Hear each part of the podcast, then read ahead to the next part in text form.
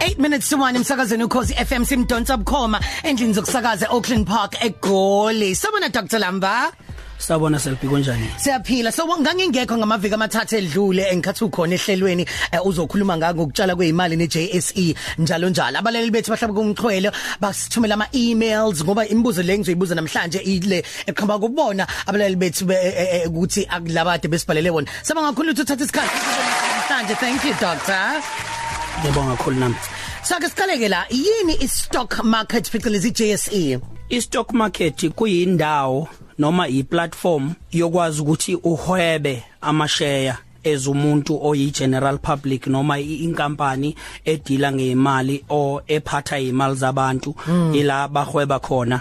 Amashare einkampani eziye ziliste ku stock market ngoba zifuna iplatform yokuraiser imali mayidinga imali. Sithi asithi inkampani isibona ukuthi ikhule kakhulu eh ayisenayo imali enough yokuthi ikwazi ukuservisa ama client wayo. Iye ihambeke iye ku Johannesburg Stock Exchange.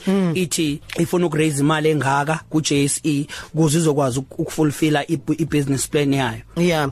Sesiza ukuthi khona o Bitcoin trading o CDFs trading, binary options trading and forex trading. Yona ahl- ahluke kangakanani kwi share trading uh, ku JSE from Gloco and why? Oh i-share trading i different but before ngikutshela kahle ngayo ngizoqala ngama Bitcoin iBitcoin iCDF nebinary neforex Yeah. iforex yibinary neCDF ucishe kufani ngoba kwama agreements ama contracts owa tradeayo eh usho ukuthi usuwenze isivumelwano sokuthi eh inani asithi mhlambe eh lele currency yase South Africa izowa kangaka noma icurrency yase America izokhuphuka nga ukubetha what we call ukubetha so ukugembula iforex igambling ifuna abantu abanesipillion abayaziyo. Ingakho nje ngisho nama ilokho ngama statistics eforex athi 90% yabantu aba trade forex bayalahlekelwa imali. Ouch, 90%. ukwenzela example ebantwini abawu 10 selbi uyedwa kwazi ukwenza imali kwi forex Kungani kunjalo? U- ukuspeculate selbi ngoba phela i- iforex ifuna ukuthi ukwazi ukuthi ene awu awu speculate ukuthi i- i- i- i currency ethize izokhula. Kufune kuvuza uspeculate ukuthi izokhula kangakanani? Igcine phi? Uyibo ubungozi obukhona. And eziningi izinto ezi influencer i currency ye ye- yaleyo country obet against yona. Kunama politics kunama economic dynamics izinto eziningi kuleyo country ekufuza uyibheke. And abantu bakithi abaningi abayazi leyo nto bayaqhamukela bangene bathi hayi sifuna ukwenza iforex. Kanti iforex ifuna abantu abasenespi abanesipillion esiningi sokuthi even nabo abanesipillion bayalahlekelwa imali. Yeah. njoba ngisho ngithi 99 90% yabantu aba trade forex njengamanje balahlekelwa imali ngoba it's a speculative market. Ukufana nokuthi wena SLB uy- uyabona lama isondo leli liroundayo uthatha ibhola uliphonse phakathi ebho- Ehhe, e- esondweni uqakhela ukuthi kuzokwenzeka kanje iforex into enjalo. Sure. So umuntu engenza njani ke? Ikhona noma into ebizwa ngokuthi eh eh, u- u- invest i- safe investment. ngizokwenzela example amabhange ama money managers abafana nabo ngisho uPIC yabona uPIC lo o o invest imali zabantu abasebenzela uhulumeni?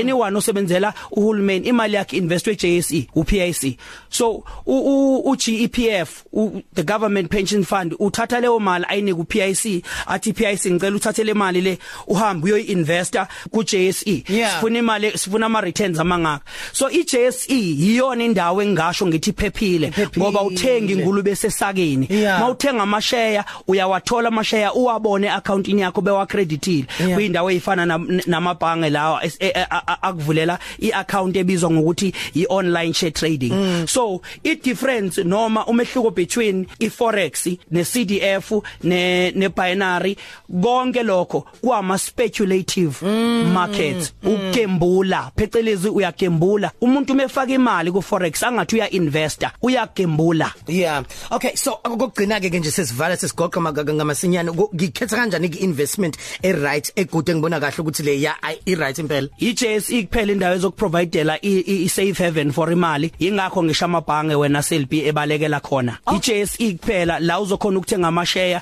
eh, ngizokwenzela example nje last week kunenkampani ebizwa ngokuthi iPemberry Lifestyle Group. Ishaya la khona beltrade ngo 4 cents ngolesihlanu olidlulile silithengile thina siyinkampani Veritas salithenga inkampani ishare ngo 4 cents. Uthe kuvala imarket. Ipacket belu 8 cents. Wow. umuntu anga- anga- angahamba yokuchecka lokho manje. Ungangena ku Google i i- stock code sabo ku JSE u PEM Okay. bese uthi PEM uthi share price. Uzovela beku 4 rand 4 cents last week uh, Thursday Friday 8 cents manje. Seku 8 cents manje. Into oyibonayo. Okay. Dr Lambisa bangakhulu ngesikhathi sakho. Danki kakhulu Bye bye 3 Cafe. Ilunch yakho ayifani neyizolo.